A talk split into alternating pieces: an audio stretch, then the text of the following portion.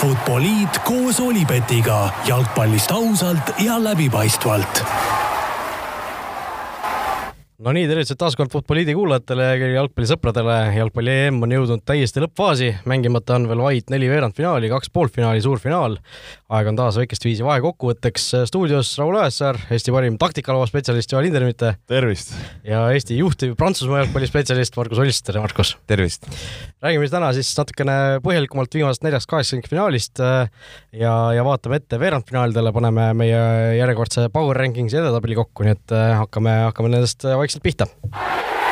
kas teadsid, et Olipet pakub parimat mitmikpanuste diili Eestis?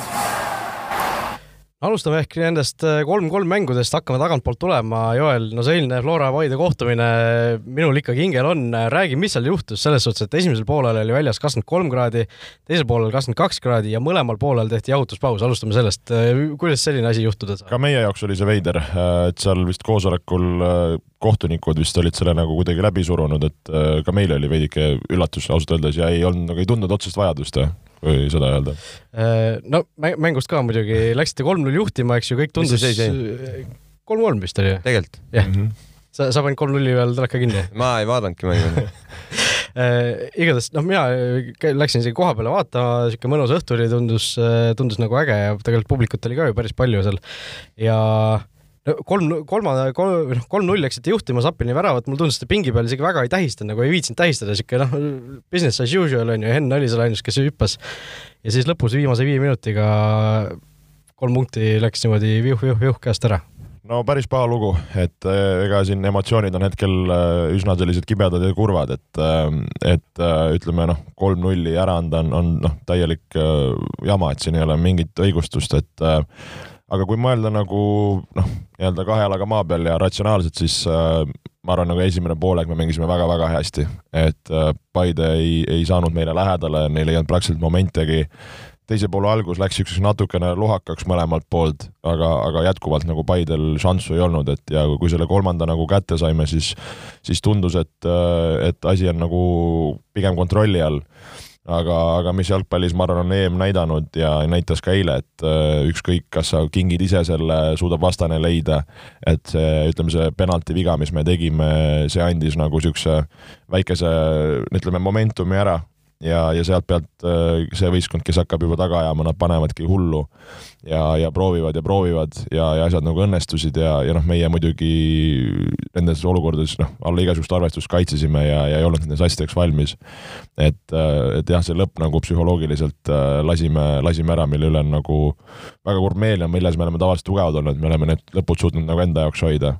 aga, aga nagu ei tasu, ma arvan, nagu siin mingeid matuseid korraldada, et, et, et tuleb just sellest järeldused sellest viimastest kümnest minutist teha ja vaadata, mida me nagu ka hästi tegime terve, terve ülejäänud aja järgmine teisipäev juba hakkavad ju meistrite liiga mängud, oli see nüüd selline äratuskell või, või, või selline väike ehmatus ikkagi? no kunagi ei tea, et äh, vahest sellised asjad mõjuvad nagu jah, nagu äratusena ja võib-olla mängijad on selle võrra rohkem nagu ütleme, kikivarvul, võib-olla mõnel lööb korraks nagu kõikuma, et siin ongi nüüd oluline, et me teeme õiged järeldused, anname sellised nagu psühholoogiliselt õiged suunad meestele kätte ja et ei, ega midagi tegelikult ju nagu lahti ei ole, et, et elu läheb edasi. ja viimane asi selle mängu kohta, mulle meeldis Indrek Ojamaa tähistus, äh, panite seda tähele, lõi, lõi selle otsustava viigivärava ja siis kõndis sealt ära, nagu oleks Flora mängija olnud, et ma ei tea, kas ta oli täiesti tühi siis sellest pingutusest või, või kuidagi ei suutnud reageerida sellele kuidagi, et kui sa oled sellises mängus viigi värava viimasel lisaminutil, siis, siis tahaks nagu natuke vähemalt käed taeva poole võiks korra visata. ei, ei oska kommenteerida, ei, ei vaadanud sinnapoole see hetk. nojah, ega Flora kaitset ka vist ei vaadanud, igatahes läheme EM-i juurde, Hispaania-Horvaatia kolm-kolm, mäng lõppes normaalajal niimoodi ja viis-kolm siis Hispaania võitis selle mängu, no täiesti pöörane, pöörane lahing, pöörane õhtu oli see tervikuna. Äh, no ma ei tea, millest alustada, võib-olla sellest Unai Simoni kalast seal kõige mängu alguses, et ma vaatasin, et UEFA on selle isegi Pedri nimele pannud selle omavärava, nagu miks või nagu? no see on jah kummaline, seal alguses ta pandi vist väravahile, siis hiljem noh, mõnes mõttes saab aru, et seal ei olnud võib-olla mingit väga suurt puudet. ta ikkagi puutus ju. no jaa, et ei tea, mis need nagu kriteeriumid on nagu, et mis, mis liigitub siis nagu selle alla, et. et ma mõtlen, kui, kui näiteks ründaja lööb niimoodi värava, et ta lööb näiteks vastu oma võistkonnakaaslast ja läheb sisse, siis see pannakse ikkagi sellele, kellest ju viimasena läks. ja, ja ise mõtlesin ka selle peale, et, et teistpidi oleks olnud nagu see, aga no Simonilt äh, räme käkk ja, ja noh, tookord äh, stuudios seda arutasime ka, et nagu liiga enesekindlalt seda palli seal kontrollis ja ja, ja ei keskendunud selle palli surmamisele ja siis, kui sa tahadki nagu liiga palju asju ja häid asju korraga teha, siis, siis võivadki sellised nagu libastumised sisse tulla jah, ta mõtles juba järgmise käigu peale, et seda minu meelest oli näha, et ta, ta Jah. juba, ma ei tea, kas ta palli üldse vaatas sil- selle. silmad olid üleval. ta jah, vaatas juba väljakut, mõtles, et ah, mugavalt võtab selle puutega, kuna see pall ka oli nagu siukses nagu lutsus ja, ja, ja kiirelt nagu põrkas, siis noh, su kogu vi visuaal peab minema palli peale ja kogu nagu tehniline nagu see, ütleme, keskendumine peab minema selle pealt, et see palli surmata ja siis, et tahtis jah, liiga, liiga hästi nagu. No tundus, et äh, Simon ei löönud see rivist välja Hispaaniat ka, selles suhtes rivist välja ei löönud, et läksid nad ju kolm-üks juhtima pärast seda ja aga lõpus ikkagi anti see mäng justkui käest ära mingiks, mingiks hetkeks, Horvaatia ikkagi võitles lõpuni, tuli, tuli tagasi ja no kas seal oli, et hispaanlased läksid nagu liiga seda asja kindlustama või liiga kuidagi turvaliselt mängima? Ma arvan küll jah, et nagu vahetused olid ju kõik ju kaitsva suunitlusega, et mindi nagu hoidma, mis on loogiline kolm ühe peale, et sul ei ole nagu noh, sul ei ole mõtet neljandat hakata proovima, et sa proovidki selle kolm-ühega rahulikult äh, lõpuni minna, aga noh, Horvaat, horvaadid ei andnud alla ja panid lõpuni ja tuli kolm-kolm ja lisaajal oleks neli-kolm tulnud, et väga-väga hea šanss oli minu meelest, et väravat tegi supertõrje, et äh, lisaaja esimesel poolel mäletate ilmselt. jah, mis mina mõtlesin äh, ka nagu eilse meie mängu kontekstis ja just nimelt see Prantsusmaa, Šveits ja Hispaania, see, et äh, no seda on nagu varem ka olnud, aga, aga mul nagu oleks selline nagu tunne või või, või nagu järeldus praegusest nagu EM-ist ja võib-olla tänapäeva jalkast, et äh, noh, korvpallis me näeme, et see ütleme nagu see momentum on nagu nii tugev asi, et keegi võib tegi, teha seal niisuguse kümme-null vahespurdi, vahest lausa viisteist-null, mingi kahekümnesid, et äh, oled kahekümnega taga, mõtled, mäng on tehtud, tullakse ikka järgi. et äh, mis ma sellega öelda tahan, ongi see, et nagu jalkas ka see, ütleme see, kui üks tiim saab selle momentumi, siis see kuidagi see momentumi nagu see nagu jõud on läinud nagu suuremaks ehk a la, et sul oledki kolm-üks ees järsku on see nagu see kolm-kaks ja siis ongi, et see nagu see võtab selle ühe võistkonna nagu nii kokku ja kogu see energia läheb sinna ja, ja paratamatult oled sa see teine võistkond, kes seda eduseisu kaitseb, aga noh, paratamatult sul lööb niisuguse vibra sisse, lööb mingid asjad nagu paigast ära ja, ja, ja see nagu see mäng on nagu totaalselt teisele poole läinud ja siis tulevadki sellised hullumeelsed nagu tagasitulekud. et, et jah, nagu see tunne oleks, et see kuidagi momentumi tähtsus või see hetkeline initsiatiiv on nagu nii oluline ja, ja nagu, et kuidas sa seda siis mängus nagu kontrollid vastasena, et noh, Kossus saad sa vahest time-out'i võtta, et seda maha võtta, mängus sa ei saa nagu, et siis sa pead ise väljakul tunnetama, mängima võib-olla õigel hetkel natukene seal lolli, kontrollima tempot, võtma võib-olla kollaseid, et ongi, et kui üks tiim saab selle hoo ülesse, siis sa nagu ei ole kerge pidurdada niimoodi, ma ei tea, kas olete nõus või? Ma olen nõus küll, aga see, see ongi see, et see kunst, kuidas mäng ära tappa, et sa tapad ta nii ära, et vastasel ei ole mingit šanssu, noh. sa kasvõi jäädki sinna pikali maha ja sa oled seal paar minti, okei okay,, kohtunik annab pärast lisaaega, aga jälle, jälle rütm on kadunud.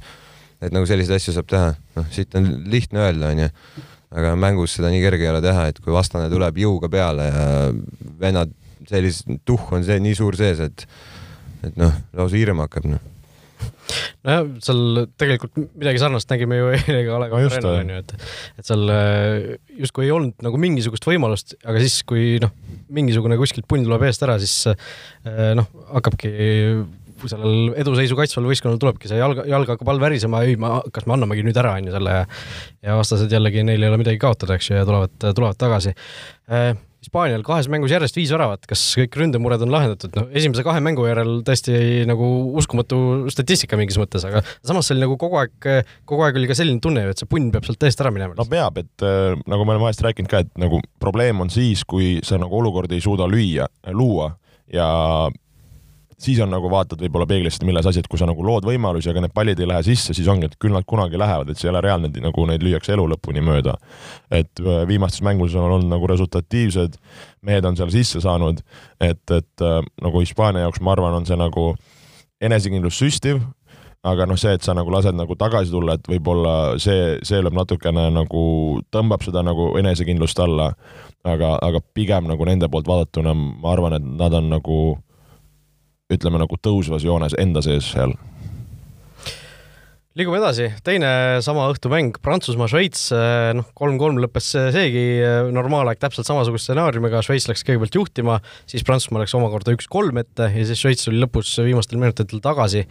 no Ricardo Rodriguez vist kõige õnnelikum mees seal väljakul üldse pärast, oli tal ju üks-null eduseisus Šveitsil võimalik kasutada penalti, millal ta eksis no selles kolm-üks eduseisus või noh, kõigepealt võib-olla see Benzema esimene värav, see puude, kuidas ta selle palli endale ette võttis ja siis väravasse lõi, see oli täiesti fantastika, ilmselt see, mille jaoks ta sinna Prantsusmaa koondisse ka uuesti tagasi võeti. aga no Markus, ma, ma ei tea, ma vist äh, Jooliga äkki lülitame siin enda mikrofonid välja, sa saad kõik enda seest välja lasta äh,. Prantsusmaa ja Šveits, kaks väga sellist äh, riiki, mis sinule väga hästi tuttavad on, omavahel mängisid, sa olid prantslaste poolt kindlasti, eks ju? jah, väga. aga mis läks valesti? Noh, et ma ei teagi, kust alustada, et äh, võib-olla alustame sellest, et äh, peade, peatreener Didier Deschamps öö, äh, otsus mängida kolme keskkaitsjaga, et noh, see oli, sellest said kõik aru, et see oli ilmselgelt vale, et esimene poolaeg mingit mängu ei olnud.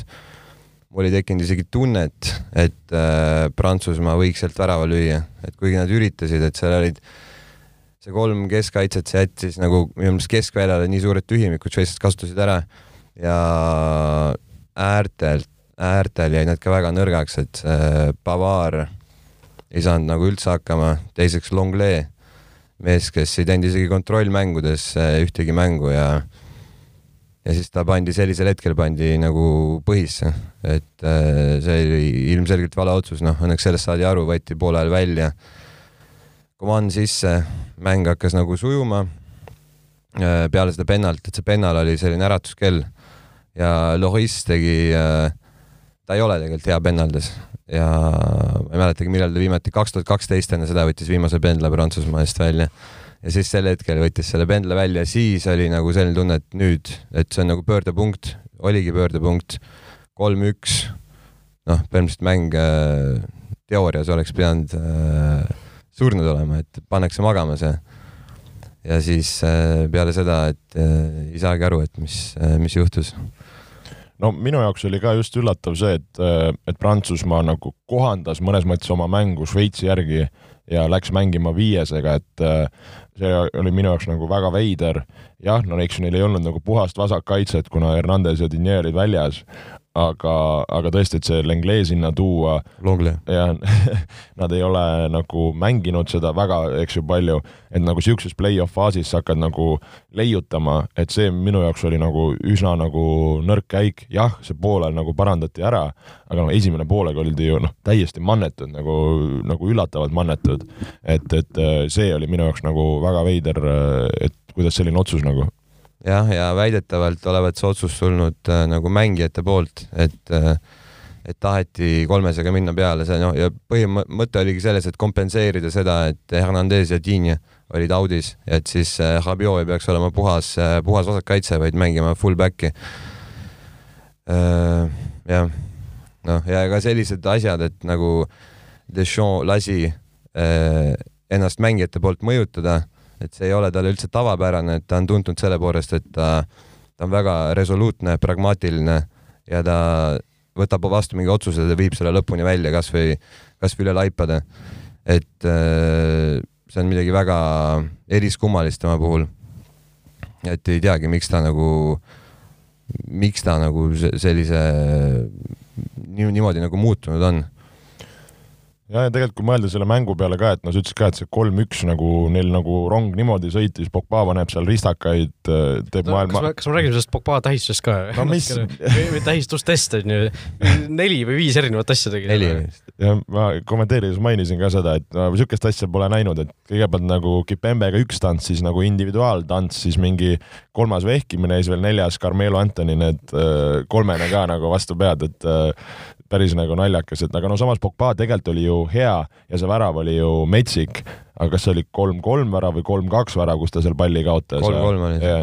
et nagu see on niisugune nagu selles suhtes valus koht, et mis sa tantsid seal, poiss, et äh, ära kaota palli. no seda jaa, aga nagu välja arvatud see olukord, siis midagi, midagi on raske ette heita Pogbale, et ta oli ta tegi kõike, mis nagu vaja, noh, ta tassis kogu meeskonna, kõik olukorrad, mis Prantsusmaal olid normaalajal, lisaajal kõik olid Pogba loodud, et äh, sa paned Mbappele kandiku peale, et mees, ole hea mees, pane taha nurka ära ja sa võtad selle vasakuga ja lööd kuskile küljevõrku lihtsalt.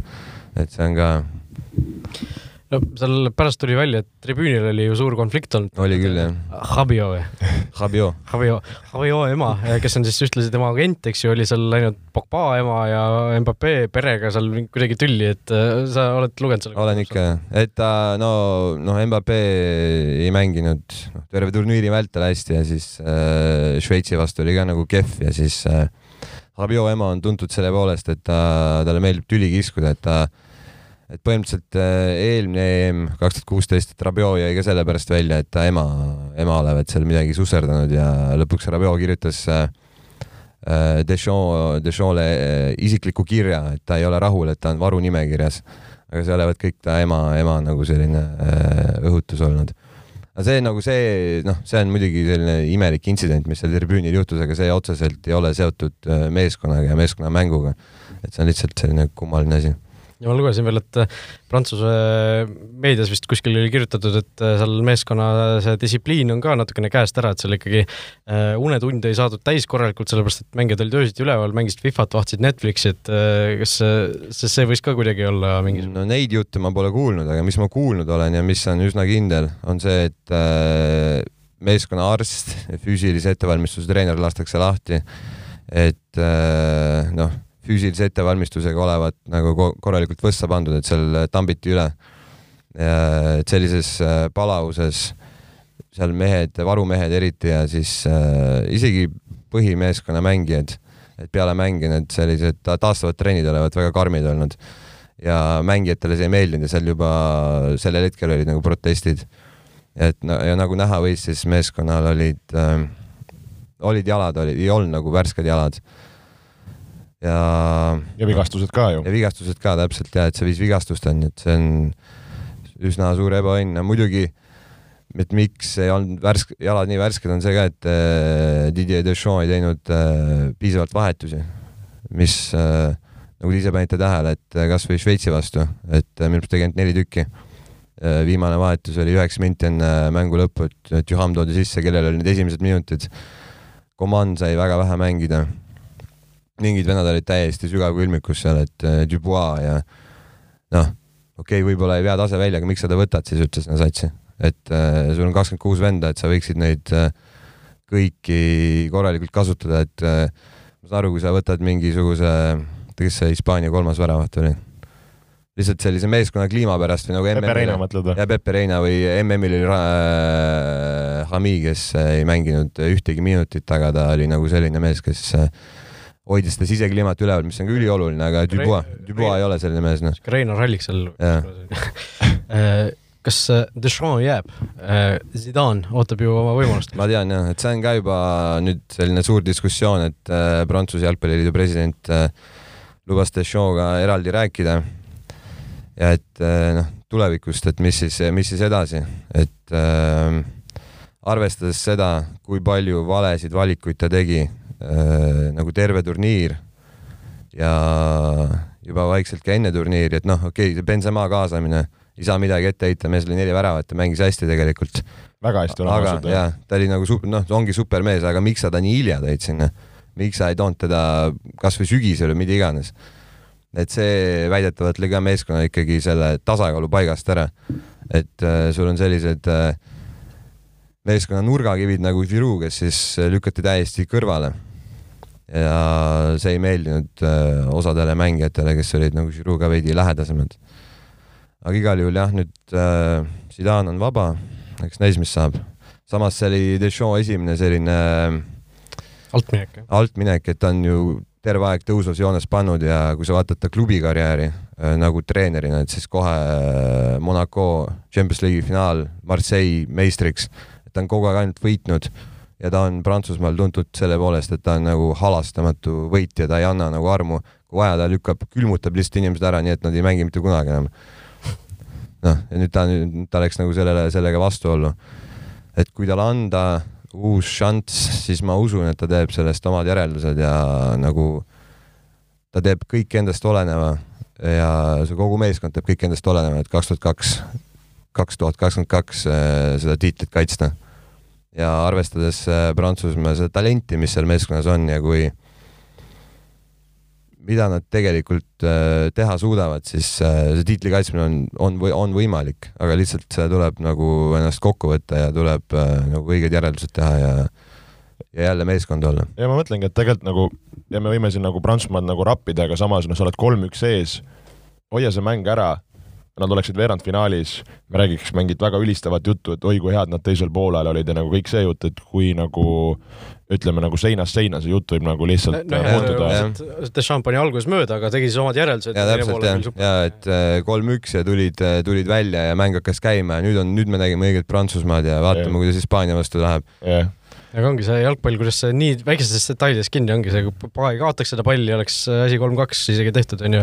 räägiks, noh, okei okay,, läks põnevaks seal lõpus, aga ikkagi noh, läks edasi. ja aga ma ütlen ainult, mis oli minu jaoks üllatav, et see, ütleme ainult see Prantsusmaa, see teine poolaeg, kus nad mängisid nagu voolavalt ja hästi, see oli nende minu arust nagu ainuke hea poolaeg kogu turniiri peale. oli küll, jah. et eh, ülejäänud aja nad olid nagu ikka nagu väga sellised kanged, väga siuksed nagu krampis ja, ja, ja mitte nagu väga nagu ladusad et, äh, et nagu selles suhtes tunduski, et äkki nagu Prantsusmaa nüüd saab ennast käima, jah, Šveits andis veidike rohkem ruumi ka neile selle jaoks, aga, aga sellest nagu Šveitsi üle nagu äge, äge, äge meel, et nagu tuldi ja, ja võeti sellest kinni. jah, et no, äh, yeah. ma lugesin Šveitsi meediat ka veidi, et noh, et ega keegi ei uskunud seda ja Šveitsi meedia tegelikult oli äh, meeskonnavastane turniir üsna karm, et äh, meeskond oli pikalt äh, kogu aeg esimeses äh, play-off faasis välja langenud ja no viimane edasipääs vist oli neil mingi viiskümmend neli või kolmkümmend kaheksa. see oli, see oli täpselt sama, et kui Eesti võitis Balti turniiri viimati kolmkümmend kaheksa, siis Šveits võitis suurturniiri play-off mängu viimati kolmkümmend kaheksa. kaks, kaks suurt seeriat lõppesid, kaheksakümmend, kolm aastat pikka seeriat lõppesid see. jah, et see oli veel siis, kui äh, Saksamaal oli võimul Hitler ja oli an-, Anschlussi plaanid olid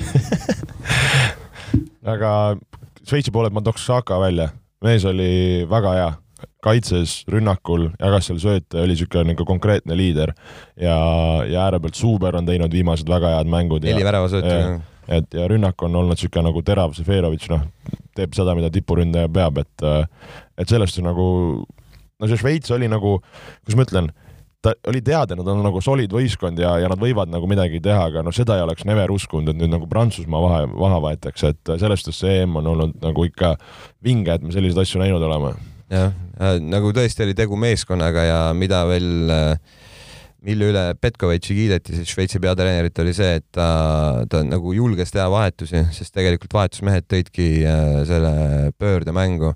Ja pennalde ajal oli ka viiest neli äh, olid vahetusmehed värskete jalgadega no jah, Žakalt oli super mäng tõesti, aga veerandfinaal jääb tal ju vahele kahe kollase kaardi tõttu. täna Ott Järvela ka Sokkerents kirjutas äh, selle asja kohta, mida ma tahtsin kusjuures täiesti juba enne ka selles mängus või selles, selles mängus, selles saates välja tuua, et see kollaste kaartide reegel tegelikult suhteliselt tobe ikkagi, olgem ausad.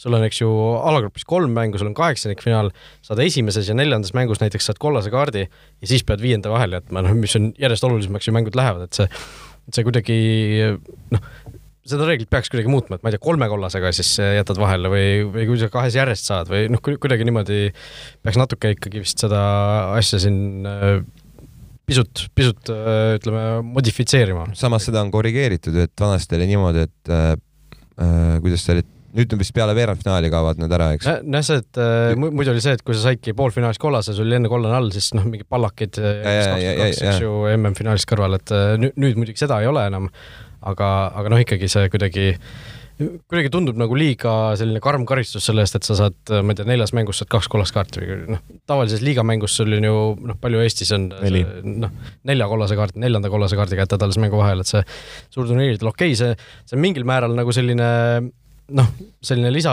lisa selline asi, mis võib asju mõjutada, muuta, järsku on ju kuidagi selline ei tasu jõhkrutseda lihtsalt. puhtalt peab mängima. no mingisugune jokker, ütleme, mis, mis võib nagu vahel, okei okay,, sul ongi, ma ei tea, Prantsusmaa, Šveits mängivad, Prantsusmaal järsku mingisugune tippmängija ja ta peab mängu vahele jätma, et see teeb nagu asja, selles suhtes võib põnevamaks teha, aga teistpidi nagu noh, see ei tundu nagu lihtsalt äh, piisavalt äh, või noh, see tundub nagu liiga karm karistus selle asja eest äh,. no aga jah Šveitsist veel kindlasti seal veerandfinaalide eelvaates äh, pisut äh, räägime veel, nemad edasi läksid igatahes penalti seerias. Mbappe oli siis otsustav, otsustav eksija, Jan Sommerilt ilus tõrje ja, ja, ja nii teemegi. jah, Papelt tegelikult ju üsna kehv äh, turniir, võiks öelda, et äh, ülimalt kehv et äh, üritas palju, veits minu jaoks tegi nagu üle, noh, ei õnnestunud ka asjad, et äh, no nägi, et noormees tahtis, aga nagu välja ei tulnud, et äh, et noh, siin korra Markusega arutasime ka, et sihuke esimene või Papee jaoks sihuke nagu korralikum tagasilöök võib-olla, et kogu aeg on nagu olnud mees nii kõva vend, ainult staar lööb väravaid, et äh, sihuke natuke toodi võib-olla maa peale tagasi mees ma loodan küll jah, et nagu me teame, milleks ta võimeline on ja mm näitas seda, et et ta äh, saab ka tulevikus olema Prantsusmaale kindlasti suur jõud, aga lihtsalt ta peab nagu enda peas äh, mingid asjad selgeks tegema. Kas teadsid, et Olipet pakub parimat mitmikpanuste diili Eestis? Inglismaa-Saksamaa kaks-null, jalgpall tuleb ikkagi vist koju tagasi, no Inglismaa ikkagi vääris selles mängus ju võitu, olgem ausad. no pigem vääris äh,, oli sellest sihuke üsna, ma ei oskagi öelda, mis omadussõna on äh,, kummaline on võib-olla vale öelda, aga mõnes mõttes seda oli oodata, et, et tuleb selline nagu taktikaline, veidikene võib-olla mm, kinnine, ehk kui oligi näha, et Is- Inglismaa tuleb ka viiese kaitseliiniga mängima, siis oli nagu selles suhtes teada näha, et, et Inglismaa mõtles, kuidas Saksamaa kinni panna taktikaliselt, mis andiski, et need wingback'id mängisid wingback'ide vastu, keskkaitsjad said seal neid ründajaid markeerida, et oligi nagu ka stuudios rääkisime, selline nagu mees mehe vastu üle väljaku niisugune nagu malemäng ja ega ju neid šansse nagu kummalgi väga ei olnud, kumbki ei tahtnud riskida, kumbki ei tahtnud eksida. Ja siis oligi küsimus, et kellel need vähesed võimalused tulevad, kes suudab need ära realiseerida. Ja kui teise poole lõpus Inglismaal need sellised momendid tekkisid, siis nad kasutasid need väga hästi ära ja, ja läksid edasi, et Inglismaa on nagu selles suhtes näidanud nagu väga nagu, ei saaks öelda nagu mingit pragmaatilist või niisugust nagu väga tulemusele orienteeritud mängu, et hoitakse taga korras, mängitakse väheste eksimuste peale, loodetakse oma ülemiste mängijate peale, nende meisterlikkuse peale ja, ja praegu on see nagu tassinud, et äh, noh, sa pead lõpuks suurturniiril tulemust tegema, et vahet ei ole, mis, mis mängu sa mängid, et Inglismaa on nagu seda nagu väga hästi teinud ja ma arvan, nad väärivad sellest nagu kiitust. mm. -hmm. et lõpuks kedagi ei huvita seda, et kui ilusti sa mängisid, kui sa mingi poolfinaalis seal koju, koju lähed, et see see ei oma nagu tähtsust, tähtis, tähtis on see, kes selle turniiri võidab ja kes tuleb Euroopa meistriks. ja ma arvan, et sellest on inglased lõpuks aru saanud. No mulle ka tundus ka, et vaata see, kui alagrupi mängus äh, Šotimaa selle null-null viigi järel ju meedia hullult kritiseeris seda Southgate'i, siis äh, ma just ütlesin see saates ka välja, et mulle tundus nagu tegelikult, et see äh, noh, tehti ikkagi selgelt liiga, et Southgate ongi võtnud selle ühe plaani, et me mängime niimoodi, me ei lase endale kaitses väravaid lüüa põhimõtteliselt. okei okay,, see null-null on täiesti okei okay tulemus alagrupis, kui me endale või noh, ülejäänud mängu, kui me ühtegi mängu ei kaota, siis me läheme edasi niikuinii, onju. ja, ja sellise plaaniga nagu mindi edasi, kui, kui kusjuures minu arust äärekaitsjad selles Saksamaa mängus isegi kohati tõusid nagu rohkem ülespoole rünnakut toetama, kui isegi nendes alagrupi mängudes. no see annab selle võimaluse, kui sa mängid, sul on siis kolm keskkaitset taga, kes julgestavad, et äh, see, see, see, see selle point nagu ongi. mm. -hmm. et, et oligi see, kasvõi see esimene Sterlingu värav, noh, nii Luke Shaw kui Trippier olid mõlemad ka noh, Shaw andis väravasöödu isegi, onju, ja teise värava puhul ka ju Shaw oli see, kes tegi seal keskväljal selle vahelt lõike, et tõstis, tõstis või noh, alustas rünnakut ja mis lõppes siis selle Keini väravaga, et äh, seis on väga soodne praegu Inglismaa jaoks, aga noh, kusjuures äh, tegelikult ju noh, kui sa ütlesid ka, et Inglismaa kasutas oma võimalused ära, siis Saksamaa seda ei teinud. No just, sellepärast, et oli see Toomas Mülleri variant, noh, mis ta seal pool tundi jooksis sealt keskväljalt, eks ju, kogu Inglismaa hoidis hinge kinni. Ja no reaalselt tundus, et see pall läks ju sisse. See oli väga-väga sihuke pettev kaader. ja noh, see ongi sama see, et kui, kui vähestes asjades on kinni, pane sisse, see on, on mäng teine. Üks-üks ja jah, ja Läheb, lahti ja uuesti. läheb Inglismaa koju võib-olla hoopis, et et selles suhtes nagu, nagu neil vedas, aga jalkas sul peab selle koha pealt õnne ka olema. Harry Kane sai ka punni eest äh, seal, kas seal oli Alan Shearer vist või keegi ütles, et et seal äh, Lineker vist ütles, et äh, nagu Shearer sai kuskil üheksakümmend kuus sai punni eest mingi hetk ja siis hakkas tulema, et siis nüüd Kane'il, Kane'il äkki läheb samamoodi, et et no tegelikult äh, selles mängus ta ju enne seda väravat ei olnud ka väga palju rohkem sees kui varasemates, ta nagu kogu aeg on seal natuke nagu nähtamatu olnud äh, kummaliselt. on küll tegelikult, et ei, ei ole ka neid passe sinna liini taha saanud, et äh, veidikene nagu veider on olnud minu jaoks see Keini mäng, aga samas nagu tore, et ta selle värava kätte sai, väikene võib-olla rahu talle, aga ma arvan, nagu Sterlingut tuleb siin nagu kõvasti kiita, et äh, mees, kes võib-olla no ütleme, hooaja lõpupoole ei olnud nii särav, aga koondise eest on teda usaldatud, on mees ju nüüd väravaid löönud, et äh, selles suhtes tegelikult fenomenaalne, oleme ausad. ja Sterling on jah, super, super turniiri teinud, et kolm väravat ja loob nagu olukordi ja võtab ja teeb ja et väga terav on olnud, et väga, väga, väga, väga hästi mänginud siiamaani kas Inglismaal on mingisuguseid murekohti praegu, no Ukraina on järgmine vastane. Äh, kas minna, minnakse äkki jälle liiga kaitsvalt peale kuidagi ja on sellest tekivad mingisugused probleemid või kas te näete mingisugust nõrka kohta praegu inglaste puhul? Nemad ise ma ütlen, et äh, vastaste poole pealt, äh, no Inglismaa ju teekond on ju ebareaalne selles suhtes, kui mõelda. Nad said mängida alagrupi mängud ja nüüd siis selle mängu kodus. Nad lähevad nüüd mängima vist Rooma Ukrainaga ja siis on poolfinaal ja finaal on kodus. sisuliselt on kodu, kodu EM no.. kodu EM ja, ja, ja tegelikult me nägime, kuidas seal, kas oli nelikümmend viis tonni või viimases mängus või, äh, et see Wembley ju, mis, mis emotsioon seal oli, kui segaseks need mehed seal äh, tribüünidel läksid, et see, see nagu annab seda energiat neile, neile kõvasti ja ja nagu me natuke juba etteruttavalt sinna Ukraina-Inglismaa peale lähme, et äh, noh jah, nad Islandi vastu käkkisid a la sarnases olukorras, aga Island oli minu jaoks nagu teistsugune punt.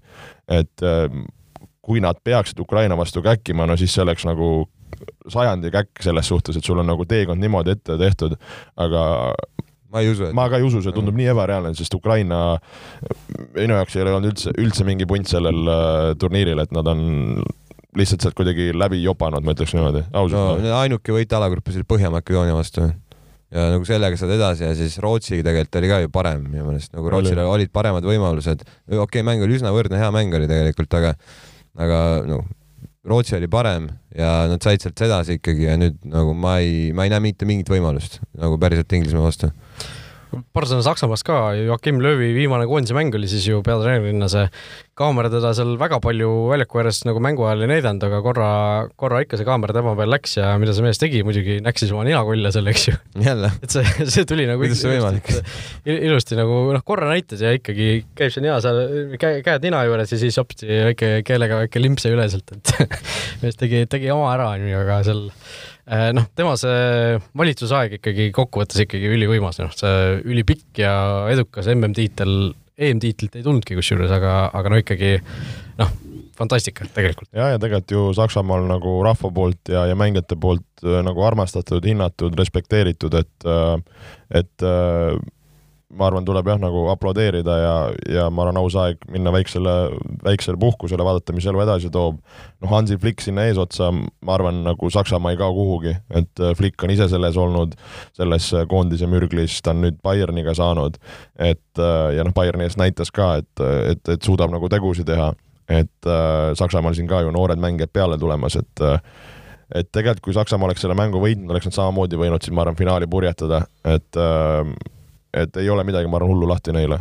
no löövi kohta, kas ta on kuuekümne ühe aastane tegelikult, ta on nagu noh, selline vanus, kus, kus ei parim treeneriga. jah, mingis mõttes parim treeneriga, samas, samas ei imestaks ka, kui ta võib-olla läheks pensionile, et kas ta, kas ta sellise nii pika Saksamaa koondise peatreeneri, eks olemise aja järel on, on tas mingit materjali, et mingi klubi üle võtta nüüd või mingi teine koondis või, või nagu, mis sa arvad, mis tast edasi saab üldse? ma ei tea, ma arvan, et ta võtab aja maha ikka veits nagu et ta, see on ju närve sööv, et sa oled ju viisteist aastat oli vist treener või?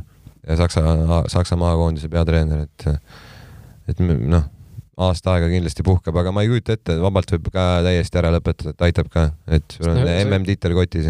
klubitreeneri töö on ju tegelikult noh, see on niisugune igapäevane mahv mm. on ju, see koondisega sul ongi noh, niisugune enamus ajast sa aastast ju tegelikult äh, noh, skaudid ja ütleme, teed suuri plaane, onju, et see nagu teine asi tegelikult, onju.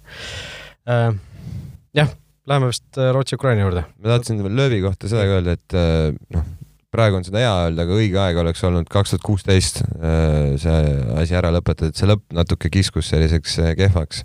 aga enne seda oli tõesti nagu fenomenaalne, nagu Joel ütles, et löövi all viis suurturniiri järjest vähemalt poolfinaali et kaks tuhat kuus oli ta abitreener, et siis said ka poolfinaali, et see on kokku kuus suurturniiri järjest poolfinaali Saksamaa. et see on, äh, see on, see on väga rets, noh, et see on, et nagu üliraske on juba kolm turniiri järjest või kaks turniiri järjest kuhugi kõrgele saada. et sul lihtsalt ei ole nagu neid mängijaid, et seal generatsioonid vahetuvad ja ega sa paned kuus turniiri järjest. et see on nagu müts maha no just, Rootsi-Ukraina, natuke juba sellest mängust rääkisime ka, Rootsi läks ju varakult, mitte varakult, aga läks kõigepealt juhtima Emil Forsbergi turniiri neljas värav, eks ju, hiljem veel tabas posti ja latti, seal Cristiano Ronaldo oleks vabalt võinud oma kroonist seal ilma Ukraina läks juhtima ikka. või, oli kõigepealt Ukraina, okei okay,, siis mul endal konspekt sassis, no igatahes Forsbergist ma tahtsin alustada, et see mees tegi ikka tegelikult väga kõva turniiri ju. Väga,. väga-väga hea turniiri, ta mängis sellises vabas rollis, nagu talle meeldib mängida, ta on täpselt niisugune hästi liikuv, hea löögiga, täpselt seda mängu ta näitaski, mida ta kõige paremini oskab. et see üks, mis ta latti virutas, et see oleks olnud päris, päris korralik maasikas, et kahju, et see sisse ei läinud. et äh, nagu Rootsi mängis täpselt seda mängu, mida arvata oli, arvata oligi, et see mäng ongi niisugune, et korra üks domineerib, korra teine ja, ja, ja teada oli, et ega seal mingit niisugust väravafestivali ei tule, et mängitakse üsna nagu konservatiivselt ja täpselt see see tuligi. ja, ja noh, tegelikult ju see lisaaeg sarnaselt sinna otsa nagu näha oli, et noh, mindi lihtsalt nagu ära ootama ja see, et Ukraina ühe nagu krossi sealt leidis, noh, see pigem ma ütlen, oli nagu niisugune no ei, ei, ei, ei kusagilt, aga nagu tuleb Ukrainat kiita, et nad selle suutsid leida ja ära lüüa, aga no see oli puhtalt nagu penaltite peale minemas mäng ja, ja no mis Rootsile kahjuks rääkis, oli see punane kaart, mis noh, mis andis neile selle niisuguse nagu, nagu raskema väljakutse, ütleme nii. No see punane kaart on siin äh, põhjustanud isegi sellist diskussiooni, et äh, mis teie arvamus on, see äh, Danielson ju lõi tegelikult nagu palli, aga siis jättis selle jala nagu õhku ja siis kas oli mingi Sessedin, kes talle sisse lendas seal, et või noh, mitte, mitte ei lennanud sisse, vaid äh, Danielsoni jalg siis nagu. jah, leidis, leidis selle põlve või see põlv leidis selle jala, mis päris pahasti, pahasti vähendus, et äh, oli see nagu punane kaart või, või oleks seal pidanud, ma ei tea, play on kohtunik näitama? no see on äh, selle koha pealt äh, väga raske nagu, et, et nagu mis, mis sa mõnes mõttes nagu kaitsjana valesti teed. Sa lähed palli mängima, sa tabad esimesena palli, kõik on õige ja see, et siis see nagu vastane sinna nagu juurde hiljaks jookseb, jääb, jääb põhimõtteliselt hiljaks, tema ju palli ei mänginud, et kuidas nagu see nagu loeb või, või, või et mis see nagu, mis, mis need olulised kohad on, jah, see nagu, et see jalg oli nii kõrge ja, ja nagu mis jõuga ta sinna nagu vastase põlve läks, see on ja nagu ütleme nagu noh, punase kaardi vääriline asi, aga et kui palju siis tuleb arvesse võtta seda, et ta nagu ennem mängis palli ja kõik oli nagu õige, et uh, huvitav olekski nagu niisugust nagu kohtunike, ütleme sellist uh, suunda või, või siis seda nagu otsust nagu põhjendatult kuulata, et uh, et, et, et kuidas nagu ka edasi siis või et noh, et minu jaoks veider nagu no,. ma ütlen sulle kohe, mida kohtunikud selle peale ütlevad, et see kohtunikud ütlevad selle peale seda, et et sa ei tohi mängida palli niimoodi, et sa oled vastasel ohtlik. aga, aga noh, see ja see, ja see ongi see punkt, kus ma ei tea, Uno Tutk või Neeme Neelmaid sulle ütleb ja siis rohkem, rohkem ei ütle midagi. et, et see, et see sealt nagu rohkem ei, rohkem ei tule midagi, aga noh tegelikult ongi see, et sa nagu ei arvesta võib-olla seda, et see, sa tõesti mängijana tegelikult nagu noh, tegelikult oli see ukrainlane see, kes sinna olukorda ju hiljaks jäi või Just. ta nagu sai mingis mõttes karistada ise selle eest, et ta oli kehvem jalgpallur kui, kui Danielson. aga noh, jällegi Danielsonina sa, sa pead tegelikult äh, praeguste reeglite järgi arvestama, et sa ei saa niimoodi seda jalga sinna üles jätta, kui vastane tuleb, aga no see on nii keeruline teema tegelikult, see murdosa sekundi jooksul, kas sa suudad seda teha. see oli õnnetus tegelikult ju, lihtsalt õnnetus. oli jah mis muutis nagu mängu käiku jah, aga noh, see lisaaeg oli tõesti üks suur kannastuste rada, ma ei tea, selline tunne, et noh, vaatajatel endal oli ju teine mäng järjest või noh, mitte teine mäng järjest, aga teine õhtu järjest, see, kus see viimane mäng läheb lisaajale, eks. minul ka ja, ja, ja sinul ka, ma kusjuures eile, eile mängu ajal pressitsoonis küsiti, et kuidas, kuidas sa üldse vastu pead, et et sa oled nagu noh, sa oled Floral tööl ja siis sa oled äh, iga päev seal stuudios veel, on ju, et äh, kas nagu mingit muud elu ei ole või räägi, kuidas sul nagu olukord on üldse? minul on hästi noor mees, energiat on, äh, eks need lisaaja mängud lihtsalt natukene und kärpisid, aga enne seda siis Rootsi või noh, too päev, mis oli, päevad ka sassis teisipäeva, päeval tegin kiire power nap'i, mis, mis natukene aitas ja võib-olla veidikene rohkem kohvi mõnel päeval, et äh, ei, kõik on hästi, et äh, asjad on kontrolli all ja lõhki ennast ei tõmba. soovitan Beliefi ka juua, et see on nagu super hea, annab kõva, kõva power'i. tootereklaam äh,. Hashtag ad või kus, mis see Instagramis peab lõppu panema äh,. aga noh, see kannatuste rada oli just selles, et kõik nagu kukkusid pikali kogu aeg, kogu aeg see mäng seisis, mingid vigastused. tuikuv mäng, see oli Armolenko juba neljakümne kuuendast oli seal nagu täitsa siukene lodev, et, et siuke see Ukraina no näha oli jah, kuidagi see fitness mõlemal poolel ikka nagu nii ära vajus nagu. kusjuures see oli selles suhtes kummaline, et meil oli kuus vahetust tegelikult ju kasutada, no pooled võist- või noh, poole võistkonnast sa said ju välja vahetada, et seal ei tohiks olnud äh, või ei oleks tohtinud olla midagi sellist, et kui sa vaatad Rootsi algkoosseisu, siis väljaku mängijatest mängu lõpetas ainult kolm mängijat algkoosseisust väljaku mängijatest, siis no see on tegelikult ju nagu käsitlematu asi, et, et aga noh lõpuks ikkagi see Artem Topvik, kes lõi, lõi siis võiduvärava, noh, täpselt selline hetk, millest ma ei tea, kõik väiksed poisid unustavad, unistavad, kes jalkatrennis käivad, et tuled teed viimasel minutil koduriigi heaks võiduvärav. et noh, fantastiline hetk, noh, võib-olla selle mehe karjääri kõige, kõige ägedam hetk, kuigi vaatasin, et ta on Taani meister muideks, kahekordne, et. kellega? Midtjyllandiga vist okay et äh, ta on Taan-, Taanis mänginud, et ei ole mingisugune selline Ukrainast, äh, Ukrainast kuskilt külast leitud, äh, leitud suur poiss, kes sinna ette pandi, et Sorjast. Sorjast on, on, on Sor-, Sorja või? ma ei tea, kust ta pärit on, aga ta mängib praegu Dnipros igatahes okay.. Dnipro üks on siis rindel ka käinud või? Ma ei, ma ei välistaks, ütleme, üheksakümmend seitse sündinud poiss, et äh, kunagi oli see Dnipro Petrovski Dnipro, eks ju, kes käis ka siin Kaljuga mängimas, aga seda võistkonda ju enam ei ole, see läks, läks kas pankrotti vist kuskil tol sõja ajal. venelased võtsid üle. Midagi sellist ilmselt ja nüüd on siis äh, Dnipro sidekriips üks sihuke, sihuke nagu mingisugune kaevanduse nimi kuskil. Äh, aga selle Topiki värava järel tuli ju maailma meedias ja Eesti meedias ka, siin tuli ju suureks teemaks rinnahoidja, et mis asja, et mis asi tal särgi all on, et kõik inimesed, kes ainult suurturniiride ajal jalkat vaatavad. Ne, nemad nagu äh, ahetsesid, et äh, mis asi, et äh, kas, kas transõigused ja kõik asjad on nagu jõudnud suurde jalgpalli ka, et et see oli päris naljakas vaadata, et igal pool oli, olid suured uudised, mida need jalgpallurid ikka seal särgi all kannavad ja miks. Jah, igatahes Ukraina läks edasi, läheb siis Inglismaaga kokku, läheme vast vaatame, vaatame need veerandfinaalid üle. Kas teadsid, et Olipet on Eesti spordiennustajate esimene valik?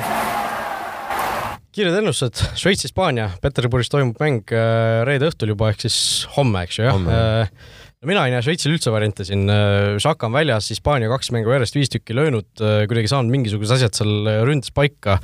noh, Hispaania puhul küsimused mul tekivad sellest, mida nad teiste nagu suurte võistkondade vastu suudavad, aga Šveitsi vastu ma ei näe, et neil erilisi probleeme siin võiks tekkida no nüüd Šveits on see, et kui, kui näljased nad on, et nagu mingi väga suur tõke ületati väga suure pingutusega, et kas sa suudad nagu teist mängu sarnase emotsiooni üles saada, et noh, Hispaania vastu ma arvan, nagu kaitses tuleb kordades rohkem rabada, kui nad pidid Prantsusmaa vastu, sest Prantsusmaa, ma ütlen, ei, ei esitanud võib-olla niisugust väljakutset, et äh, kui nad ikka Prantsusmaa magama panevad, et siis ei saa neid nagu maha kanda, aga ma ütleks kuuskümmend viis, kolmkümmend viis Hispaaniale no ma arvan, et Šveitsil on ikkagi šanss olemas, et täpselt selle hea emotsiooni pealt tulevad ja ja ma ei ütleks, et nüüd Prantsusmaa Šveitsi kaitsele väljakutset ei esitanud. esimene poolega mitte, teine poolega. aga seal ikka korralikult äh, mingi hetk põles ja seal oli lihtsalt ei löödud ära. aga see noh, ma ei hakka sellest mängust rohkem rääkima. aga igal juhul ma arvan, et Šveitsil on šanss, kuigi ma arvan, et Hispaania läheb, läheb edasi ikkagi, et kahju. Äh, Itaalia-Belgia, Münchenis toimub see mäng äh, no kas Itaalia peaks olema nii suur soosik, kui igasugused kohvid ja muud asjad väljendavad, et vaatasin meie partneri Olibeti juures Itaalia kaks nelikümmend kaheksa võit ja Belgia kolm kolmkümmend viis, et wow. Belgial on, eks ju, De Bruyne ja Hazard on väljas äh, väidetavalt. see ei ole veel täiesti kindel, et seal on, äh, loetakse tunde ja päevi. no jah, ütleme, peaks praegu vist arvestama, et ilmselt nad ei mängi, aga aga noh, see ma küll isegi oleks pakkunud, et Belgia või võiks isegi mingis, mingis mõttes nagu väike soosik olla seal. no kaks koma neli ja kolm koma mis? kolm koma, noh, kaks koma viis ja kolm koma neli, ütleme. okei okay,, päris suur erinevus jah ja.? isegi liiga suur? aga noh, samas äh, viigi koefitsient on ka seal suhteliselt väike, sest kuna noh, favoriidi koef on kaks koma viis põhimõtteliselt, see on ikka päris, päris suur, eks ju, aga aga noh, kumb siis läheb edasi? Väga raske mäng. jah. Väga..., ma arvan, et sõltub väga palju sellest ka, et kas äh, Hazard ja De Bruyne saavad nagu mängu valmis, et kui nad saavad, siis on, siis ma arvan, et pigem ikkagi on Belgia nagu veidike rohkem favoriit, aga ilma nendeta raskeks läheb, et Itaalia, Itaalia on tõesti nagu hästi mänginud ja hea nagu hea sisekliima ja kõik nagu sujub. samas Itaalia jaoks on see ju esimene selline päris, päris vastane noh, sellel turniiril no minu jaoks Itaalia aktsiaid äh, selle mängu eel natukene langetas see Austria mäng, kus äh, Itaalia, ma ei oska öelda, kas nagu kardeti, et nad ei olnud nagu oma nägu, et kas oli see nagu see play-off, noh, Austria mängis ka selles mängus väga hästi, niisuguse nagu hinge ja, ja, ja tuhhiga, aga nagu Itaalia ei olnud nagu üldse nii voolav ja nii nagu selline, nagu nad täpselt esimestes äh, alagrupi mängudes oli, mida oli ka nagu arvata, et see ei ole reaalne, et sa nagu noh, ainult. pluss nad mängisid ju äh,, ei mänginud seda Roomas yeah., äh, seda kaheksakümnendfinaali. et äh,, et äh, nagu selle koha pealt äh, ma olen nagu üllatunud, et äh,, et see mäng ei olnud nagu nii hea ja pigem nagu ma näeks ka nagu Belgiat favoriidina, eelkõige nagu selles kontekstis, et, et nad on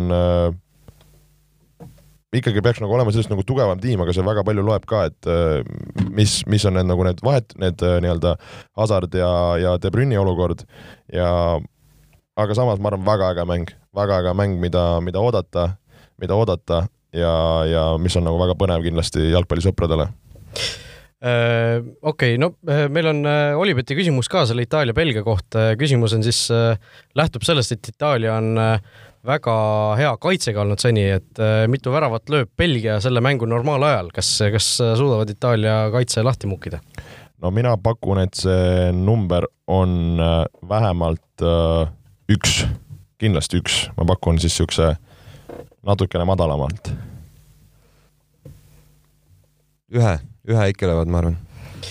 ühe, no ja see üks tundub nagu niisugune loogiline pakkumine, ma, aga mina arvan, et millegipärast, et äh, mul on Belgia suhtes hea tunne selle mängu eel, Itaalia suhtes mitte nii väga, ma arvan, et Belgia läheb edasi ja ma arvan, et nad löövad isegi kaks tükki seal, siin normaalajal, nii et äh, kõik postitage enda pakkumine siis Olipet Estonia Facebooki lehele meie viimase saate postituse alla. kõigile õigesti vastanutele, kes samale mängule vähemalt viie eurose panuse teevad, annab Olipet kakskümmend eurot tasuta panustamisraha Äh, ja teise, teise päeva veerandfinaali Taani-Tšehhi Bakuus.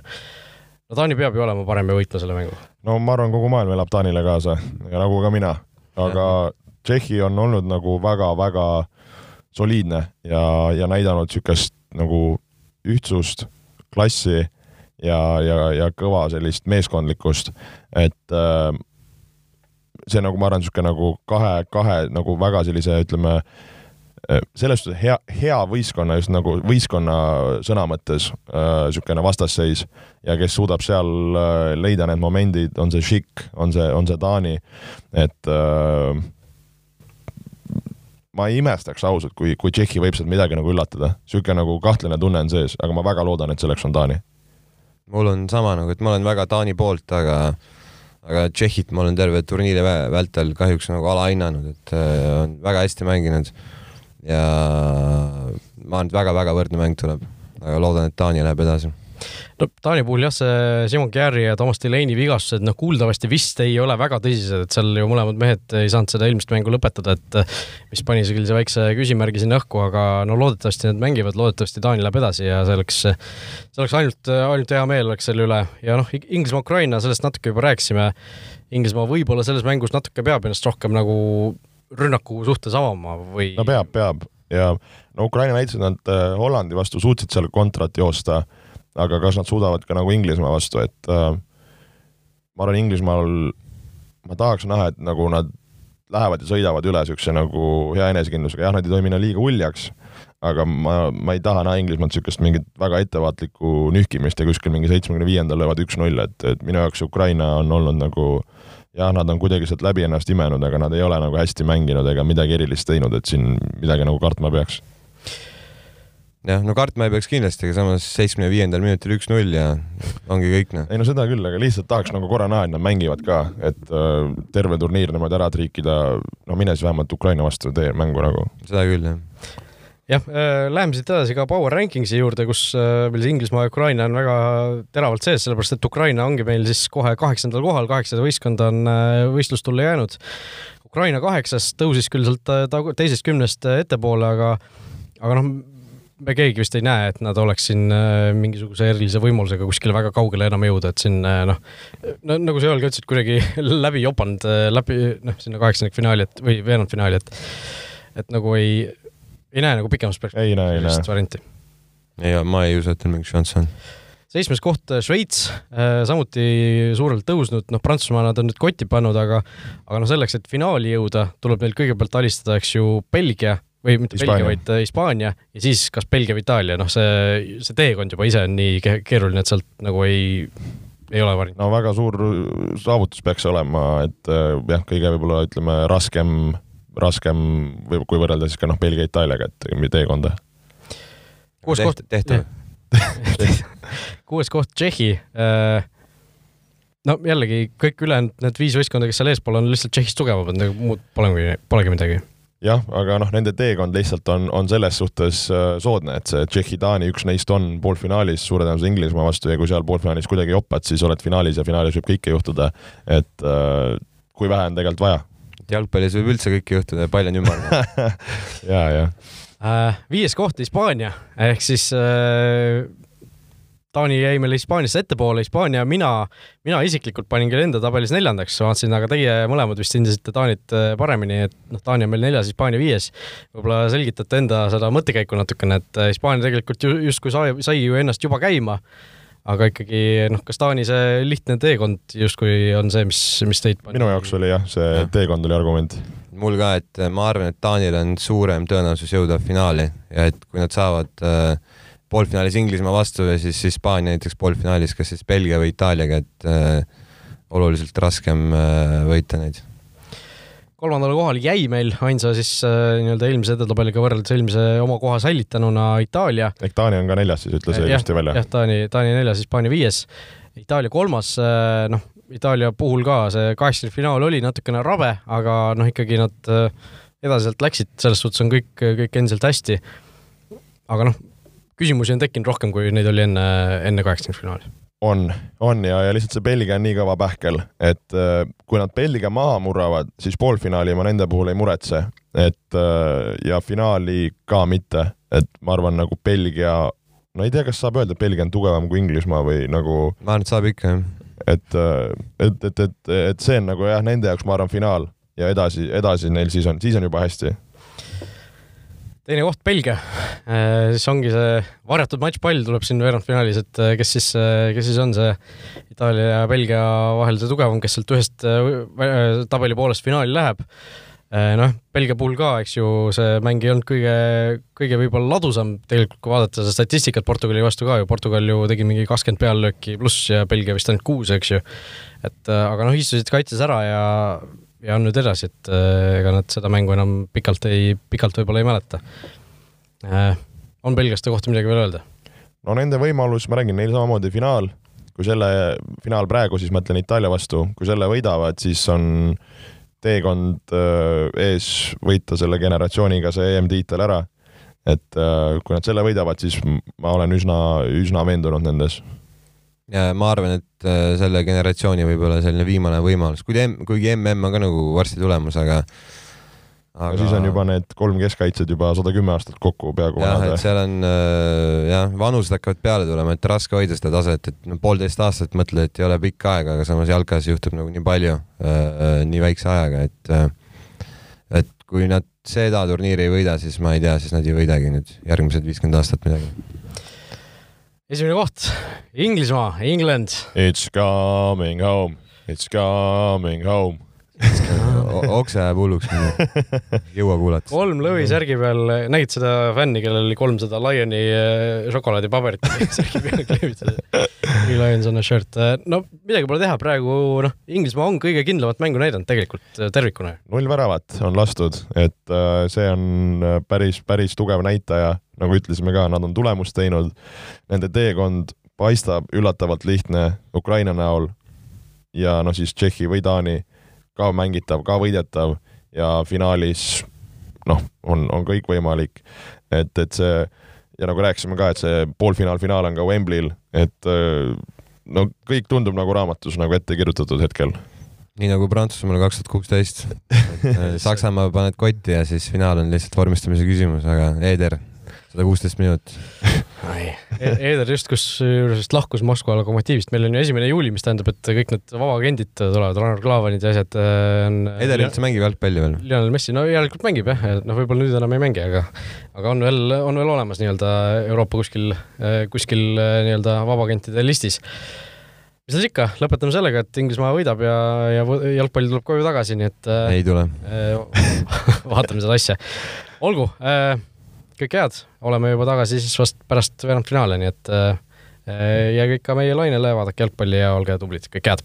olge mõnusad. tšau. vutiviikendi parimad kohvid leiad Olipetist